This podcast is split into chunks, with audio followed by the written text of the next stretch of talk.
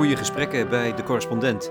Ditmaal met Bert Keizer, arts en filosoof. Hij schreef een essay over zelfdoding met het werk van David Hume in de hand. Voltooid. Ik was in Engeland een keer, ik sta voor een zaaltje, ik praat over euthanasie, jonge mensen. Ik leg uit wat er gebeurt in Nederland. Er staat één jongen op, een moppie van de jaar of 22, en die zegt: I'm so glad we don't need this in Britain.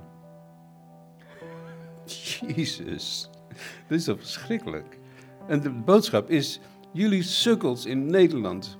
Jullie pakken het leven zo verkeerd aan dat je in deze total mess van euthanasie terechtgekomen bent. Vind je niet geweldig?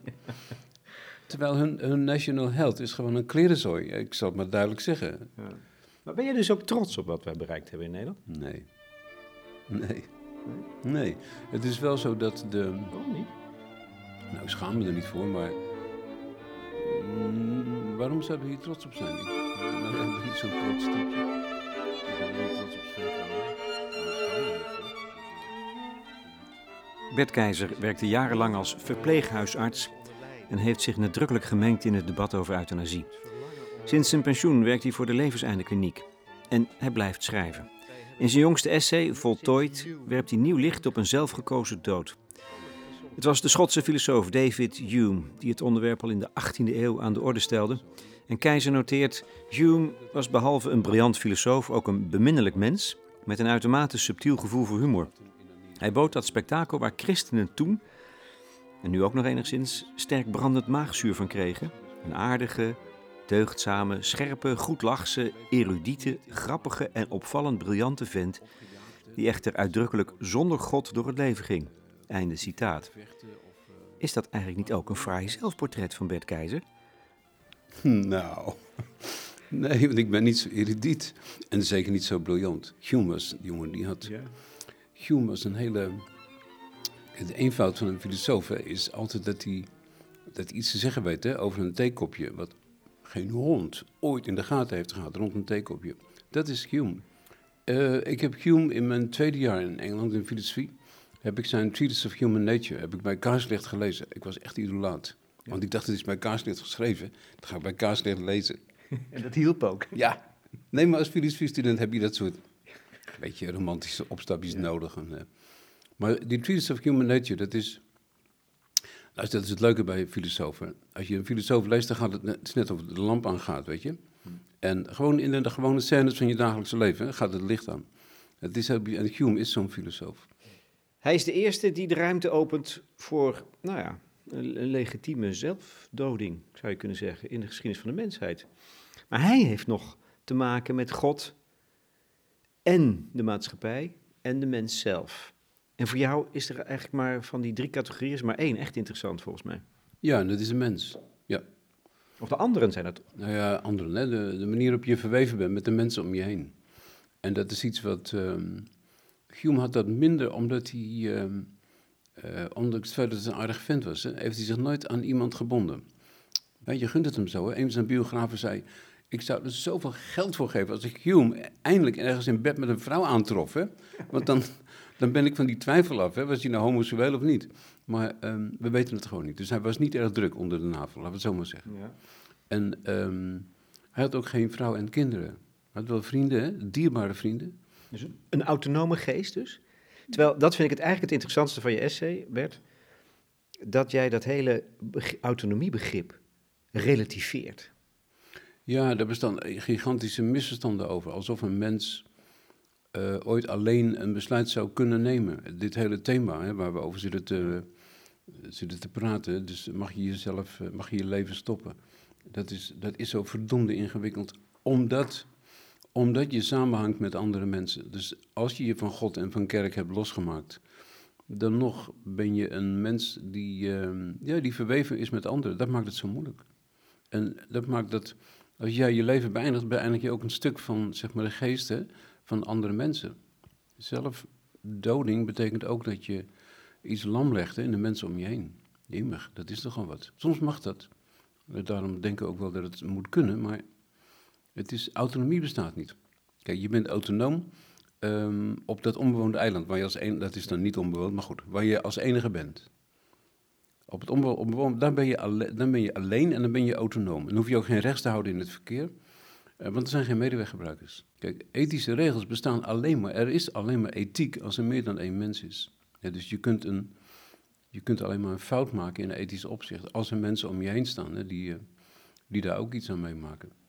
En zelfdoding is, is natuurlijk helemaal geen autonome daad in die zin dat um, wij praten nu over zelfdoding in gesprek en met de mensen van wie je houdt. Die andere zelfdoding, die, die, die echte autonome zelfdoding, die bestaat wel. En dat is als mensen achter ieder zijn rug om hè, zich stiekem met plotseling ophangen. Um, en daar heb ik het in mijn boek uit, uitdrukkelijk niet over, omdat dat niet omdat dat geen probleem is, maar dat is een heel ander onderwerp. Je maakt het onderscheid tussen zelfdoding en zelfmoord. Ja. die autonoom, wat je nu autonoom noemt, namelijk die stiekeme achter de rug om van iedereen, die noem je zelfmoord. Ja. En omdat die zo verwoestend is. Omdat die zo. Als je echt hele slechte rouw wilt hebben, dan, dan, dan, dan, moet je het op die manier doen. De, de wond die zoiets slaat, die is hele slechte littekens. Dat blijft een leven lang zeuren. Ja? Niet alleen hun ouders die een kind verliezen op die manier, maar ook geliefden en kinderen die een ouder verliezen op die manier. Nou ja, Joost Wageman heeft er zelf nogal overtuigend over geschreven. Jongen, dat, doet, dat is zo merkwaardig, omdat alles wat je was hè, voor die man of voor die vrouw, dat ligt dan ineens op een hele rare manier in de vullersbak. Iets anders is, en dat is een hele vervelende andere kant van deze medaille, als je hierover nadenkt, hè, het hele thema. Zo mag je niet een keer zeggen van nou, het is voor mij genoeg. Je hebt altijd het risico dat iemand zichzelf van het leven gaat beroven, die dat niet gedaan zou hebben als jij je mond had dichtgehouden over het hele thema. Dat jaagt iedereen op. Uh, ook die coöperatie laatste wil hè, met dat poeder. Dat durven ze niet bij het Heijn neer te leggen. Dat durven we niet. En terecht, hè, er moet een hekje omheen hè, om, die, om die pil. En dat is iets wat, uh, in dit gesprek, hè, als je hierover begint te praten en je zegt, ja, maar het moet mogelijk zijn, dan, en, en mensen komen met dat bezwaar, oh, je zult zien dat er dan, ja, dat zul je inderdaad zien, ja, dat er dan een paar mensen zichzelf doden die dat anders niet gedaan zouden hebben. Het is een vreselijke gedachte, je komt daar niet onderuit. Nou, je, je, je suggereert toch dat je vindt dat wij dat risico zouden moeten nemen? Ja, ja, dat, ja, dat doe ik. En, maar ik weet natuurlijk niet precies wat ik op mijn schouders laat als ik dat zeg. Een beetje een flauwe vergelijking is het aantal doden in het verkeer. Ja, sorry, maar dat, dat zijn er niet drie of vier per jaar. Dat zijn er honderden. Ik meen 700. Jemig. Kijk, wij mensen zijn dus kennelijk wel uh, in staat hè, om dat soort offers, we hebben het wel over een offer hier, hè, om dat te brengen. Maar ethisch is dit glibberig, hè? Het klinkt uh, cynisch, hè? Dat is dus een risico waarvan je denkt, ja, Jezus, moet je dat nou nemen? Ik denk dat we, we zullen dat nemen. En, en nogmaals, ik, eh, ik, ik, weet niet wat ik precies op mijn schouder laat als ik dat zeg. Maar dat, is, dat klinkt heel cynisch, maar ik bedoel, zo bedoel ik het natuurlijk niet. Maar je kunt, je kunt het geluk wat je in een aantal levens zou kunnen veroorzaken, hè, door zelfdoding makkelijker te maken, nooit wegstrepen tegen de ellende die je veroorzaakt door die ene onterechte zelfdoding. Ik, ik heb hier geen oplossing voor. Was onze lieve Heer maar, dan kon hij dit, kon hij dit knoopje doorhakken. Maar God is, een, hè? God is? God is een man, daar heb je niks aan. Zijn patiënt laatst tegen mij. Ik zei, misschien kunt u voorbij. Hij zegt, God is een man, die luistert nergens naar. Dat is een leuke opmerking. We zullen het toch zelf doen, maar, maar met elkaar. En dat is de basis van, van, van jouw visie. Je schrijft er prachtig over, uh, we zijn vol van elkaar. Dat vind ik een mooie. En je doet een gedachteoefeningetje. Of eigenlijk is dat uh, meneer Alfred Scheffler die dat doet. Die zegt van stel nou, eens voor dat als jij sterft, dat, ook, dat, je, dat je weet dat ook alle anderen zullen sterven. Dan zouden we eigenlijk allemaal ophouden. Dus heel veel van ons, de zin die wij geven, bestaat uit het feit dat we weten dat anderen doorleven. Ja, wat een uh, briljante gedachte van die man om dat uit te werken. En als je het leest, dan denk je ook meteen, ja, verdomdheid, dat is zo.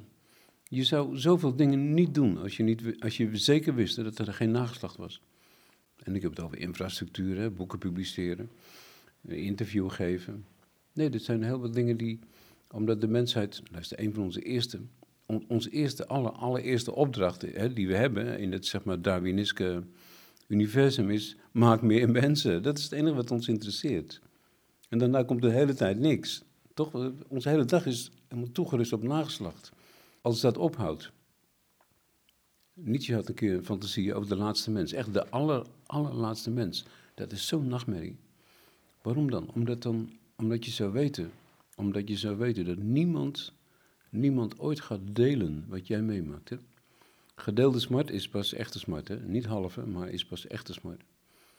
En dat heb je ook als je, als je blij bent met een examenresultaat. Het eerste wat je doet is uh, je vader bellen, je moeder, je vrouw, je vriendin of je broer. Het eerste wat je doet is dat met een ander delen. Zo zitten wij in elkaar. Als je weet dat wij de laatste mensen zijn. Jezus, dat is een gedachte die alles de nek omdraait. Dat is iets wat. Uh, ja, dat is iets heel sterks. Wij ontlenen dus zin aan het bestaan van mensen die we niet eens kennen. Dat is, dat, dat is de verrassing. Ja. Nou ja, ik denk mensen die we niet eens kennen. Het, we weten wel dat. Wij kijken terug in de geschiedenis en we weten dat wij zijn die mensen die hun niet kenden. En toch hebben wij het idee dat mensen uit de Napoleontische tijd of uit de Romeinse tijd, dat wij daarmee communiceren. Dat idee hebben we. Omdat we het geluk hebben dat zij ook schreven en soms ehm, beelden maakten. Dat zijn mensen die net als wij hè, geboren werden, het niet zo naar hun zin hadden en dan weer stierven. Dat is, ja, die hadden ongeveer hetzelfde probleem, toch? En, en zochten ook weer naar wat ook voor ons herkenbare wegen zijn, hè, van die last van je schouders afzetten. Hè? Omdat het leven in veel opzichten ook toen zeg maar, niet leuk was. Ja, ja het is een gedoetje, zoals, uh, René, zei. zoals René zei. René Gude.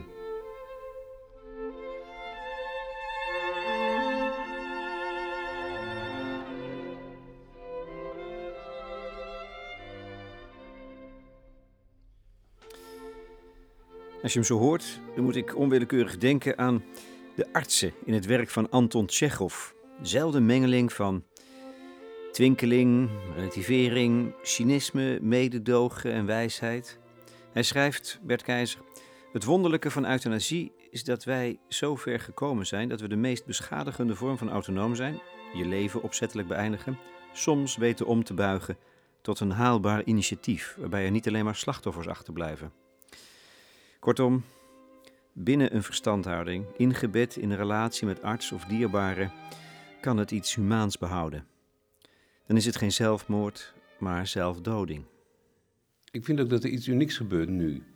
In Nederland, ook in andere landen. Er zijn nu vijf staten in Amerika hè, waarin het toch wel te doen valt. En het unieke is, het is nog nooit in de menselijke geschiedenis voorgekomen dat we dat we dit doen. Hè, dus ons leven beëindigen. Niet in een vlaag van wanhoop hè, of opgejaagd hè, door uh, zeg maar politieke, uh, politieke gevechten. Of, uh, maar gewoon als een balans zelfdoding. Hè, waarbij je dus zegt, wat er nu nog komt wil ik niet en daarom stap ik eruit. En dat, um, en dat nogmaals, in gesprek met de mensen die van je houden. Dat is nog nooit gebeurd. We hebben natuurlijk altijd zelfmoord gehad in de hele. Judas is natuurlijk een bekende. Socrates die werd gedwongen, maar dat was gedwongen. Socrates is ook een mooie nuchtere dood, hè? Iets te nuchter, ik denk niet dat het allemaal zo netjes ging. Maar goed, eh, het is een mooie nuchtere dood. Maar omdat de Atheense staat wilde dat hij zichzelf ombracht. En, um, nou, Jezus is een heel onnuchtere dood natuurlijk.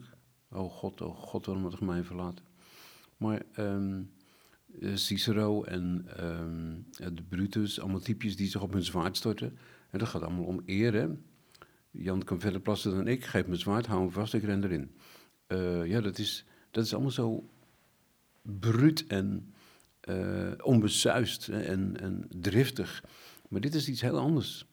Dit is nog nooit, dit is nog nooit gebeurd. Dat we, dat we, en ik denk dat we de ruimte hebben, omdat we afscheid genomen, hebben van God.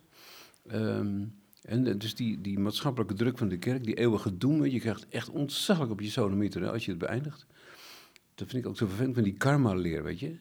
Dat karma, als je dus je, jezelf je leven neemt, hè, dan, uh, dan, is het zelf, dan is het alsof je halverwege de les de klas uitloopt. Hè? Nou, dan kan je op je laatste, hoofdmeester op de gang, hè? zet je meteen een jaar terug. Jezus, het zijn toch enorme kinderachtige ideeën dit, hè? Sorry, dus de, de hele Oosterse wijsheid gaat die met een zwierige, met een zwierige plons in de vijver. Nee, maar ik meen dit echt dat je, ehm, in, dus, het is slecht karma als je je leven eerder beëindigt. Lijden, hè, dat is goed voor je. Renate Dorrestein zei, lijden loutert niet. Je wordt er alleen maar een zeikert van. Ik vind dat zo'n leuke uitspraak. Want je schiet er natuurlijk helemaal niks mee op. Maar vind je het niet leuk dat we dat nu durven zeggen tegen elkaar? Je schiet er niks mee op als je lijdt. Het is nergens goed voor. En hoe komt het dan dat wij in Nederland zo ver zijn gekomen ten aanzien van euthanasie en zelfdoding? Nou, vanaf de jaren 60 is de patiënt mee gaan praten over zijn ziekte, mee gaan denken over zijn sterven. Het gaat om een veranderde gezagsverhouding dus. En volgens Keizer bepaalt macht de relatie tussen arts en patiënt. Er is altijd een enorme afstand tussen een arts en een patiënt eh, vanwege het kennisniveau. Ja, het is een machtsrelatie. Ik zeg altijd, daarom is het zo leuk, hè, hulpverlenen. Dat willen ze, dat willen ze nooit horen. Nee? Nee, het is gewoon zo. Je meent het ook. Dus Ja, geen, natuurlijk. ja? Ja, Je ervaart het echt als iets wat nou, fijn is. Ja. Ik ben niet, ik ben niet de enige. Wa- Waarom, mensen, waarom vinden mensen het zo leuk om hulp te verlenen? Dat loont zichzelf, onmiddellijk. Snap je? Jij hebt een gebroken been, doe de gips omheen, je bedankt. En dan denk ik, oh ja, een goede dag gehad. Waarom kik ik zo op jouw dank? Dat is omdat ik, omdat ik door, jou, door jouw dank ben ik in de groep. Heb ik een veel leukere positie ineens. Nee, nee, eh, hulp verlenen is een machtsrelatie. En het is niet voor een, een betere stoel in de hemel. Kijk, macht, macht uitoefenen is iets van, kijk, alle, alle dieren met injecteerbare vaten, die zijn vatbaar voor heroïne. Ja? Gaan ze meteen onderuit. Heerlijk. Nou, dat geldt bij macht ook. Dus alle, alle hogere primaten zijn er gek op. En dat zijn wij.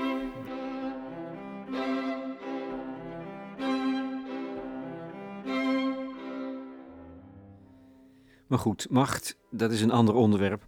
En bovendien, in de huidige euthanasiewet is eventueel machtsmisbruik door artsen door allerlei checks behoorlijk tegengewerkt. Dus dat is geen zorg. Heeft die wet ons toch op, zoals het altijd zo mooi heet, een hellend vlak gebracht? Eerst ging het over terminale patiënten. Dat was vrij helder en is ook nu nog het helderst. Maar hé, hey, toen kwamen er steeds nieuwe categorieën bij. Mensen met chronische ziekte, eh, daarna mensen met een psychiatrische aandoening of mensen met dementie. Nu gaat het over mensen boven de 90 die het gevoel hebben dat hun leven voltooid is. Eh, en dan valt ook nog eens die leeftijdsgrens weg. Bert Keizer vindt dat allemaal niet zo erg. Ja, daar hebben we dus nu gewoon mee te dealen. Wij vragen ons af, hè, die ongerustheid, en die vind ik wel terecht, die ongerustheid over die steeds nieuwe categorieën. En we hebben nu geleerd in een euthanasieland dat zodra je een grens trekt, gaan we aan de andere kant kijken of die ook kunnen. Dus zodra je zegt van eh, eh, dementie in het beginstadium kan, en dan hup, meteen komt de, de gevorderde dementie die meldt zich. En de laatste categorie waar ik, eh, waar ik onlangs van hoorde was de mensen die tot een TBS veroordeeld zijn. De- Die dus levenslang met een psychiatrisch vonnis achter de tralies zitten. Ja, die zeggen als er één leven ondraaglijk is en uitzichtloos is wel het mijne. Lekker is dat. Die vragen ook om euthanasie. Wat zou jij dan zeggen als iemand dat aan jou zou vragen? Nou, dat is. ehm, ik vind het belangrijk zoals je dat nu stelt. Wat zou jij dan zeggen, Bert Keizer?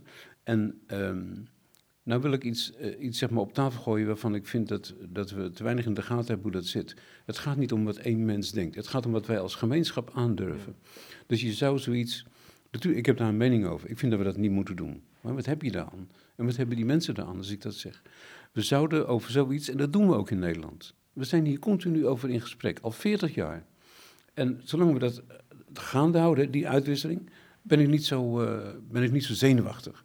Maar gesprek met z'n allen eigenlijk. Ja. Dus niet een gesprek van één op één arts en patiënt. Nee, Nee, nee. het, is een- het is echt, echt dat een goede invulling geven aan dat maatschappelijke debat. Zoals het eigenlijk nu gebeurt. Ja, ik bedoel talkshows, ik bedoel commissies hè, die onderzoek doen. En ja, met, eh, met een ethisch probleem als dit, zou ik zeggen dat het gevoel dat je hebt van jongens, is dit goed? Kunnen we dit wel maken? Dat is voor mij, deze, die onzekerheid, hè, dat is voor mij het zilvermerkje van een, eh, van een moreel probleem. En dat is niet een teken hè, dat je op weg bent naar een, eh, zeg maar, een zieloze hel. Dat is helemaal niet zo. Dus die onzekerheid, de Engelsen die waarschuwden ons, hè. De Engelsen zeiden, dit wordt een slachting. Nou, dat is wel meegevallen, maar die zeiden, de slippery slope, het hellende vlak, en jullie eindigen met... Nou, ze hebben helemaal gelijk gekregen. Ja, maar mijn, mijn eh, reactie is toch een beetje, so what? Kijk, het is niet zo dat we onschuldigen aan het vermoorden zijn. Hè? Dat, dat is natuurlijk helemaal niet aan de orde. Dus dat is iets wat... eh, maar die nieuwe categorieën, daar komen we uit door, ja, door, met, door elkaar aan te kijken als gemeenschap. Inderdaad, in een talkshow of in een onderzoek of een psychiater in een TBS-kliniek die zegt, ja, maar dit kan niet langer zo. En dan, en dan ontstaat er iets. Net zoals bij gevorderde dementie. Ik vind dat mensen die uh, zo dement zijn, dat ze echt niet meer weten waar het over gaat, die kan je niet doodmaken, vind ik. Maar er zijn er mensen die vinden, nou, die vinden dat moet wel kunnen. Nou, laten we daar maar over praten. En wanneer dan? En uh, wie gaat dat dan doen? En, uh, Waarom trek jij daar die grens? Je gaat in heel veel gevallen heel ver, of heel ver. Je, je, doet het, je kan het met je geweten, met jouw eigen ethische wereldbeeld, kan je dat verenigen. Maar daar niet, opeens. Ja, ik vind dus als we... Uh, dat is weer mijn angst, hè? De hellend vlak. Als we dat gaan doen, hè, mensen ombrengen die niet meer weten waar het over gaat... Um, nou, dan, heet, dan gebruik je ook... Op dat moment gebruik je het woord ombrengen. Ja. Dat is taalkundig, is dat echt anders dan al die andere gevallen. Dan heb je het niet over ombrengen. Dan zijn die artsen opeens moordenaars. Nou ja, weet je waarom ik dat zeg? Omdat die mensen die, dat, uh, die je dat aandoet, die gaan niet dood doordat je die wilsverklaring zeg maar, onder hun hoofdkussen legt. Je moet ze doodmaken. Ja. En terwijl ze niet weten waar het over gaat. Dus ze kijken jou aan en zeggen, nou meneer Jansen, hier is uw overdosis. En die man die denkt, wat hebt hij nou in zijn hand? Die weet helemaal niet waar het over gaat. En om te voorkomen dat je dus iemand moet doodmaken die niet weet waar het over gaat, geef je hem eerst Dormicum, een sterk slaapmiddel. Het is allemaal beschreven in de Volkskrant en in de NRC. Dat doe je dus om hun wil uit te schakelen, om hun, om dat vermogen wat ze nog hebben, om iets, om iets af te weren, om dat, ja, om dat uit te schakelen, kalt te stellen. En wat gebeurt er dan? Nou, dan maak je hem dood. En ja, ik heb het idee, op het eerste dat hoeft niet. En uh, ik vind dat je, als je opschrijft, als je opschrijft, als ik dement ben, wil ik euthanasie, dan neem ik je niet serieus. Ik vind dat je op zijn minste moeite kunt nemen om een keer in een verpleeghuis op bezoek te gaan. En dan uh, te proberen voor jezelf te realiseren, uh, wat, wat vind ik hier nou precies zo erg aan? En dan niet zeggen van, ik wil zo niet eindigen. Want ik heb nog nooit iemand ontmoet die bij een bezoek aan een verpleeghuis, zo'n dementenafdeling, zei van, ja, dat wil ik eigenlijk ook wel. Wat is dit nou voor onzin? Mensen denken altijd, dat heb je niet opgeschreven. Nou, voor mij hoeft u dat niet op te schrijven. Het dat is willen we gewoon niet. Nee, dat wil geen Niemand mens. wil dat, nee. nee. Ja, dus dat is evident. Nee, maar dat hoor je vaak. Hè? Wat, wat, moet je dan wel doen om te, om te voorkomen? Dat, want daar gaat het over. Dat is jouw betoog, denk ik. Je, je moet voorkomen dat je in die diepe dementie terechtkomt als je had willen sterven daarvoor. Ja, ik zou zeggen dat je dan in een vroeg stadium van je dementie moet je de overdosis nemen. Maar, daar komt weer een maar. Heel veel dementen hebben dat gewoon niet in de gaten. dus die denken dat ik heb anderen die verstoppen mijn sleutel steeds. Hele vervelende, nare klootzakken, die, die, die leggen de sleutel bijvoorbeeld in mijn vriesvak. Ja? En dan worden ze woedend als ze hem daar vinden, terwijl ze hem daar zelf in hebben gelegd. Ja, dus die dementie en alcoholisme, dat zijn twee ziektes hè, die tegen jou zeggen, jij hebt het niet. Ja, nou lekker.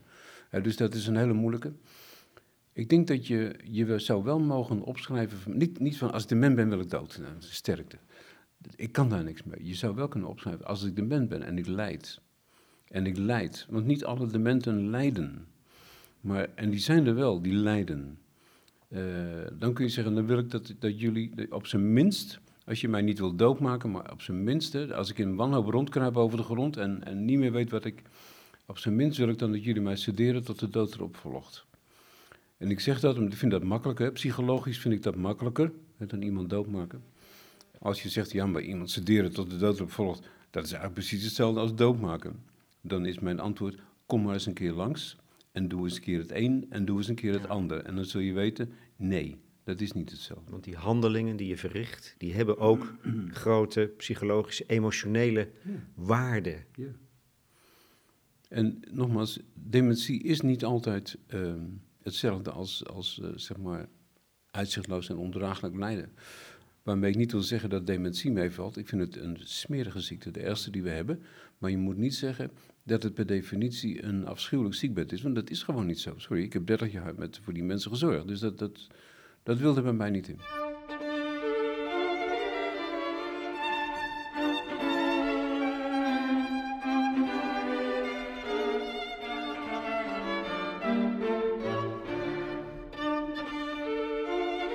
Bert Keizer beschrijft in zijn essay Voltooid een paar concrete gevallen. Zo van, kijk, dit is nou de praktijk. En bij die ene mevrouw gaat het wel.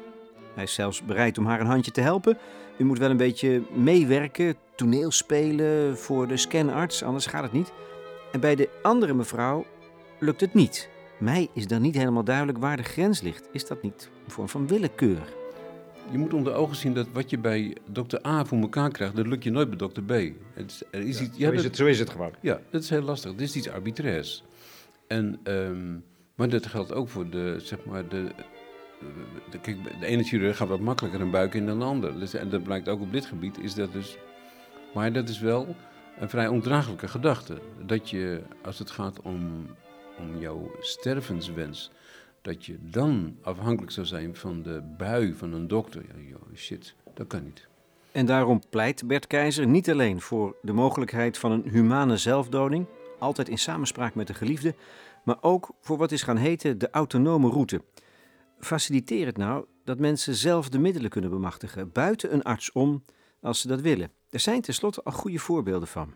Stichting De Einder en de NVVE en nog een aantal zeg maar stervensconsulenten, die helpen je aan een e-mailadres in het buitenland. Ik heb dat twee keer, nee, drie keer heb ik dat gedaan. Mensen geholpen, die zeggen, kijk, zo moet je dat doen. En dan krijg je 12 gram uh, barbituraat, pentobarbital. Precies wat wij gebruiken bij euthanasie. Maar dan bemachtig je het zelf. En dan kun je die overdosis nemen en dan, sorry, maar dan ga je heel mooi dood. Dus dat is, dat is vind jij toe te juichen, dat dat, zo, dat, dat kan? Ja. Dat is nog wel niet, ik denk niet dat iedereen zo link is, hè, zo handig om dat nee, te dat doen. dat is het lastige. Dus nee, je hebt gelijk. Het is natuurlijk niet zo dat je moet op internet kunnen opereren. Ja. Ja, je moet met Western Union betalen. Dat is een beetje ingewikkeld, althans als je dat soort dingen niet gewend bent. Ja, nee, dat is wel zo. Dus en dus je hebt een achterneefje nodig, hè, die, die wel met, met een scherm, uh, computerscherm ja, kan heeft ook niet iedereen natuurlijk. Nee. En dan kom je natuurlijk toch bij de coöperatie, de laatste wil. Ja. Het meest actuele ontwikkeling, denk ik. Wat vind jij daarvan, van dat initiatief? Want dat eigenlijk is dat een, een, een collectieve onderneming om dit, die autonome route handen en voeten te geven binnen de wet, naar zij zelf zeggen. Ja, die, uh, wat zij uitdelen is een poeder. En dat wordt gebruikt in uh, laboratoria om glaswerk te reinigen. Uh, conserveermiddel, zei iemand. Nou nee, dit is, een, dit is een destrueermiddel, dit is geen conserveermiddel. Je kunt er dus um, alle vormen van, zeg maar, um, leven, krijg je ermee dood. dus uh, bacteriën, wormen, wat grotere parasieten. daar wordt het voor gebruikt, om glaswerk, zeg maar, microbiotisch schoon te krijgen. En hoe werkt het? Het, is een, um, het grijpt in de, in, in de stofwisseling in je mitochondriën. En uh, het is absoluut dodelijk, 100% dodelijk. Het is niet zo'n prettige dood, zeggen de farmacologen. Het is een prettige dood, zegt uh, de coöperatie laatste wil. Nou ja, daar kan je ruzie over maken. Um, wat ik daar nou van vind, is ik vind het prima dat mensen op een makkelijke manier aan het spul kunnen komen. Maar nou begint het gedonder. Die, um, die hulp bij zelfdoding, die is strafbaar. Het is Albert Heringa, die zijn, uh, zijn uh, 99-jarige stiefmoeder hielp. Die heeft het spul bedacht, hè. Wat moet ze nou innemen? Ja, hij heeft het fijngestampt, hij heeft het papje gemaakt. Het enige wat hij niet gedaan heeft, is het haar voeren. Ze heeft het zelf ingenomen. Nou, die, dus de, de rechter zegt dat kan niet. En de rechtspraak rond wat Heringa gedaan heeft, die rechtspraak is voor ons als doodgewone burger niet te volgen. Eerst werd hij mm, niet zo erg veroordeeld. Toen werd hij helemaal niet veroordeeld. En toen zei de Hoge Raad, nou, dat moeten we niet hebben hoor. En toen werd hij weer wel veroordeeld. Jongens. En dat toont aan dat ook de rechters hiermee zitten te trutten. Die weten ook niet meer goed wat ze ermee moeten.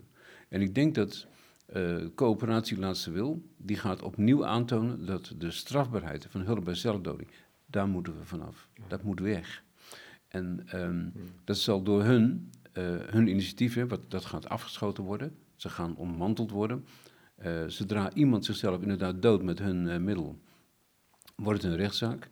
En, en die gaan ze verliezen. Ik denk ook dat zij wegkomen met iets voorwaardelijks. Maar dan is het initiatief weer afgeschoten. Kijk, wat zij niet goed gedaan hebben is, onder de huidige omstandigheden, als je een middel hebt hè, dat werkt, dan moet je niet bij nieuwsuur gaan zitten tetteren dat je het hebt. Maar als je je initiatief heel snel om zeep wilt helpen, dan hebben zij de methode gevonden. Het tweede Publiciteit opzoeken. Ja, dat moet je niet doen. Maar ja, je kunt je ook zeggen, is dat ooit... Maar je wilt toch het debat ook juist? Je wilt toch ja, ook okay. juist... Dat is misschien in dat opzicht... Ze, ze, ze, doen dit ook, volgens mij ook met het oogmerk... om, om, om nou ja, de ruimte te verkennen, als het ware. Ja, en dan hoop ik alleen maar dat, ze, dat het ze lukt ook. Ja, nee, dat ben ik hoor. Dat ze lukt om die... Um, uh, kijk, wat, ze nu doen is, ze vertellen niemand wat het is. Dat is niet slim. Dat is eigenlijk zo onvolwassen. Want als je dat niet doet, dan kan geen enkele toxicoloog of een farmacoloog uh, rustig even nagaan. Hoe waarschijnlijk is het dat je hier lekker aan doodgaat? En je zou ook kunnen zeggen, nou, als je een beetje ongemakkelijk doodgaat, misschien willen mensen dat risico ook best nemen. Maar nu weten we helemaal niks. Dus ik vind dat ze op dat punt dan van hun publicitaire aanpak uh, de steken wel uh, steeds laten vallen. Maar de strafbaarstelling van hulp, in wat voor vorm dan ook, ongetwijfeld nauw omschreven, die moet eruit. Daar moeten we vanaf. Ja, en dat betekent dat die euthanasiewet, die, die zeigt ineen, die is dan niet meer nodig. Omdat een dokter dan niet in overtreding is als hij iemand helpt bij zelfdoding. En dat zal ertoe leiden, we doen even toekomstmuziek hè, dat zal ertoe leiden dat het aantal euthanasieverzoeken, waar, waar artsen nu zo van balen, hè, de stapeling van ouderdomsklachten, beginnende dementie, uh, eigenlijk voltooid leven, eigenlijk niet voltooid leven. Al die, die casuïstiek waarvan dokters zeggen, wat moet ik er nou mee? In godsnaam, waarom komen jullie naar mij toe? Die valt dan weg, die mensen gaan hun eigen weg zoeken. En de dokter, dan zullen nog heel veel mensen uh, overblijven die toch liever door hun dokter geholpen willen worden in het kader van hun ziekte. En, en dat kan dan ook. En het buitenland heeft nakijken. En het buitenland heeft nakijken. ja, ook dat nog. Nou ja, dat weet ik niet. Nee, dat is een grapje. Ja. Goed, maar daar ben je zelf ook niet vies van in dit verband. Um, en dan nog uh, toekomstmuziek. Er is een wet in de maak. Pia Dijkstra van D66 uh, moet daar enorm voor knokken. En dat gaat over mensen die zelf het gevoel hebben dat hun leven beëindigd is. Dat is ze hebben geen enkel toe toekomstperspectief meer, ervaren het als zinloos en lijden daaronder. Ze wil het bij wet regelen. Jij spreekt je niet al te positief uit over dat wetsvoorstel. Nee, Pia Dijkstra, haar wet is een afgietsel van de huidige euthanasiewet. Ja. Precies. Met, um, dan komt dus een stervensbegeleider, die komt, uh, kijk, jij bent 90 hè, en je zegt, uh, of je bent 70, of je bent 50. Ik weet bij God niet, dat, daar zijn we nog niet uit, die leeftijdsgrens. Maar ik vind wel dat die grens, vind ik wel dat die er moet zijn. Ik vind die gedachte wel sympathiek. Als een 20-jarige zegt, ik zie het niet zitten, dan zou ik zeggen, ja, dat hoort bij je leeftijd. Snap je? Uh, trekt wel bij. Maar bij een 90 is dat een beetje flauw om dat te zeggen. Ja, nee, dus dat is een dus ik vind het niet stom dat ze zoekt naar een leeftijd. Maar ik vind het ook heel begrijpelijk dat dat niet zo goed lukt. Maar um, een stervensbegeleider of een levenseinde beoordeler of een levensleegte beoordelaar, hè, die heeft ze dan uh, als zeg maar imaginaire functionaris. Die is ze helemaal niet, maar goed, dat, dat zien we tegen die tijd Nog niet, die moeten opgeleid worden. Ja. Ga jij ze opleiden? Cursus, cursus leef herkennen? Jongens, wat is dit nou voor onzin? En dan komen er twee, hè? Dus de eerste zegt, nou, ik vind uw leven wel leeg hoor, u hebt wel gelijk. En dan komt de tweede die zegt, ah, ik zie er nog wel wat in zitten hoor. Hebt u gedacht aan, nou, bingo niet hè, nou go dan, hè, doe de bin eraf, gaat u go spelen. Nou jongens, wat, en wat voor criteria gaan die stakkers gebruiken? En, en als ze iemand afwijzen, en wat gaan we dan doen? En als ze iemand niet afwijzen, waar halen ze de overdosis vandaan? Dit is zo, luister, kansloos. Pia Dijkstra is natuurlijk een hele, sorry, maar is een hele intelligente vrouw die weet wat ze doet. Maar dit wetsontwerp is zo stom. Het gaat helemaal nergens zijn. Dus ik kan veel beter vechten voor afschaffing van de strafbaarheid bij uh, Van Hulp en zelfdoding.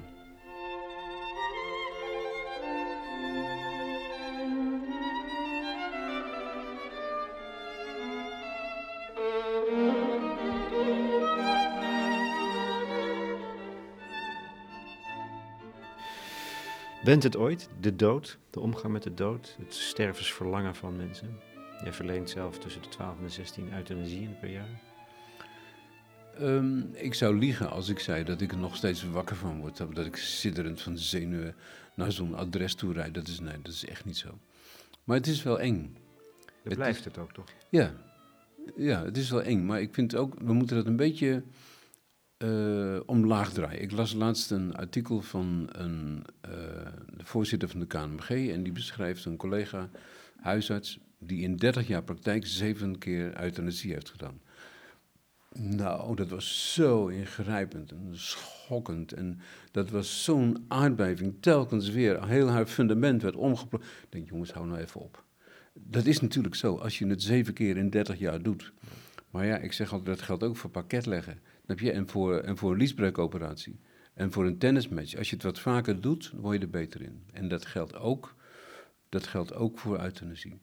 Ik word er beter in. Ik zie een aantal valkuilen en ik weet ongeveer zeg maar, welk stukje muren wanneer er omvalt. Um, dus ik kom niet meer zo uh, onbeslagen en sidderend ten ijs.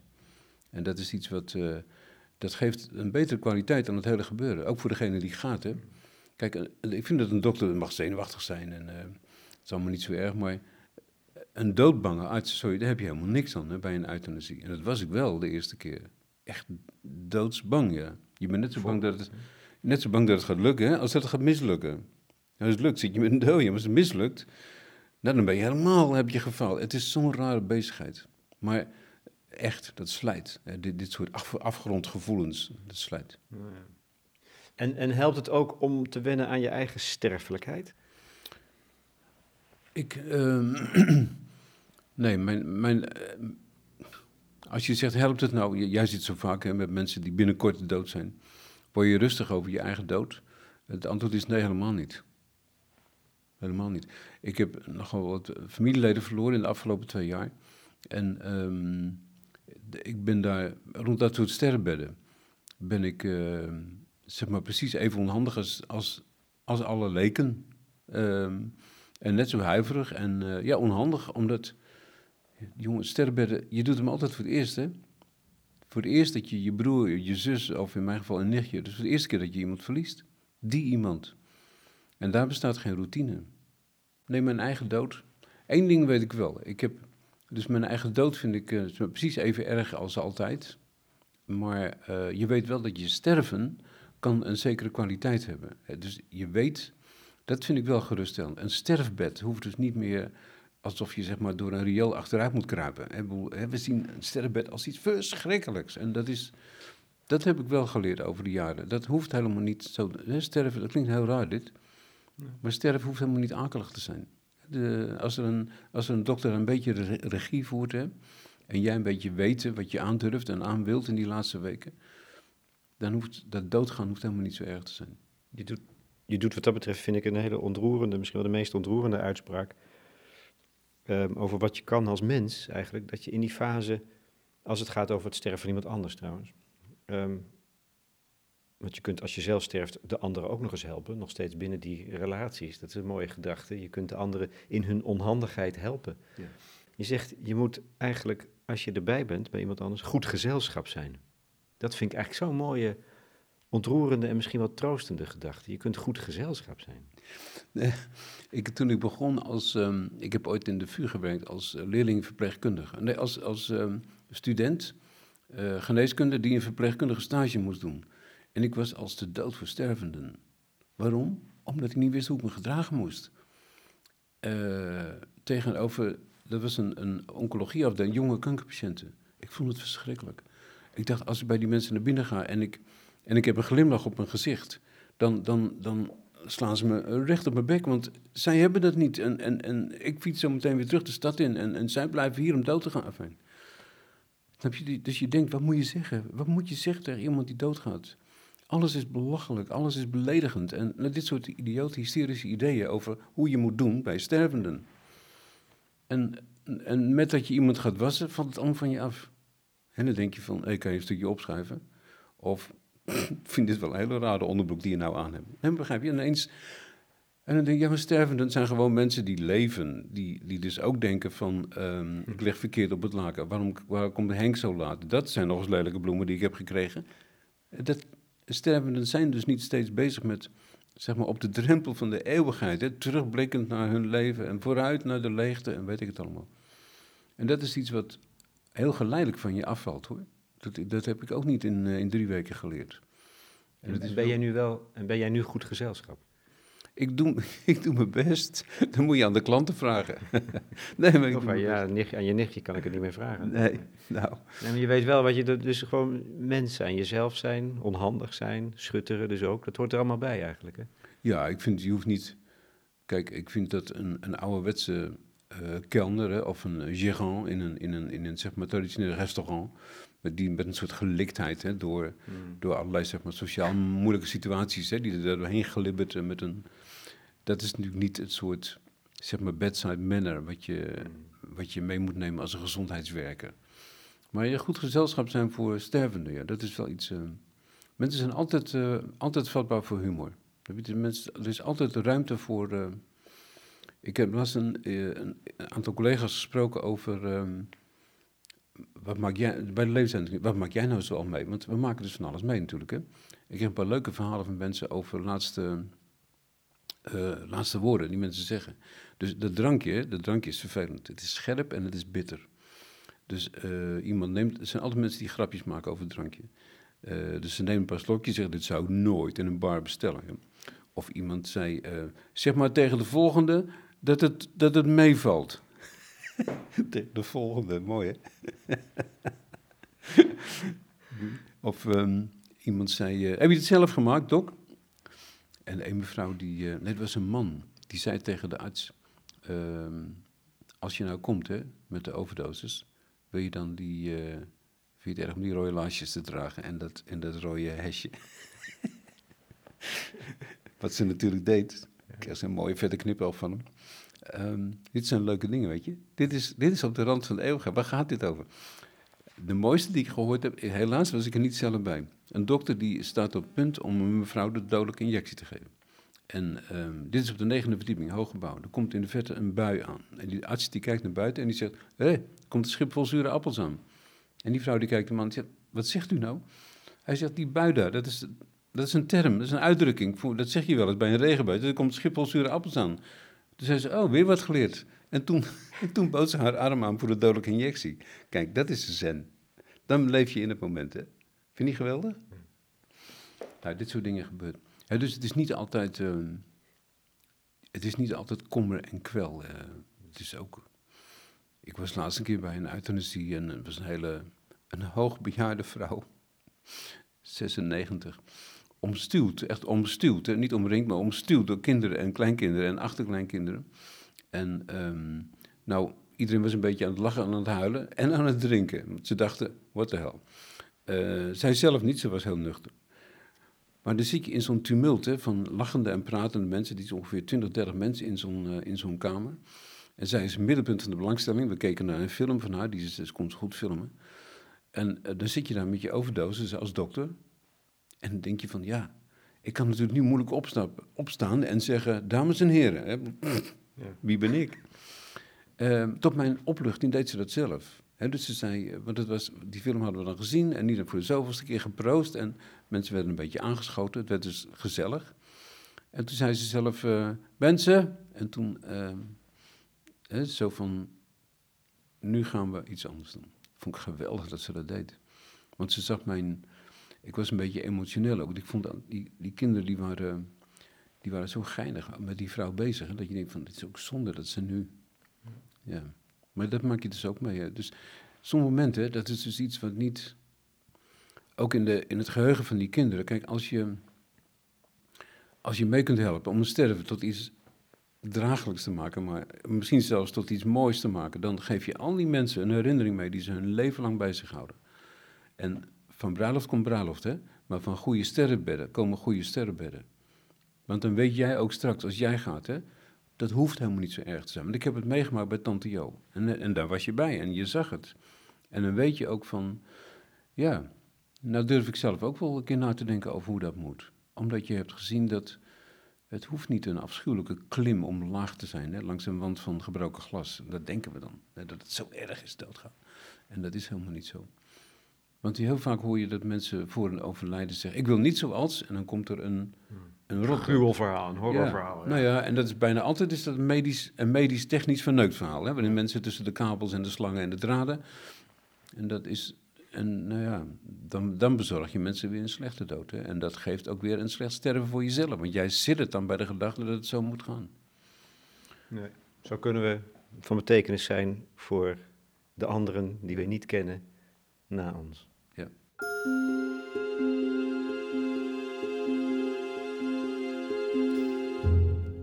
Bert Keizer in gesprek met Lex Bolmeijer voor de correspondent. Aanleiding was het verschijnen van zijn essay Voltooid. Nieuw licht op een zelfgekozen dood. Dat onderdeel uitmaakt van de reeks Nieuw Licht, filosofische beschouwingen over actuele thema's, onder auspiciën van Frank Meester en Koen Simon. Wil je op de hoogte gehouden worden van mijn podcasts? Abonneer je dan op mijn nieuwsbrief. Krijg je telkens bericht als er weer een nieuwe aflevering is. En ik wijs graag op de podcasts van de collega's, zoals de Rudy en Freddy Show. Heerlijke overpeinzingen aan de keukentafel. Ten slotte, voor de liefhebbers. Ik gebruikte in deze podcast een strijkkwartet van Mozart, nummer 15 KV 421 om precies te zijn. Een live uitvoering door Alec Kagan en Friends. Gewoon omdat deze muziek in mijn oren goed gezelschap is.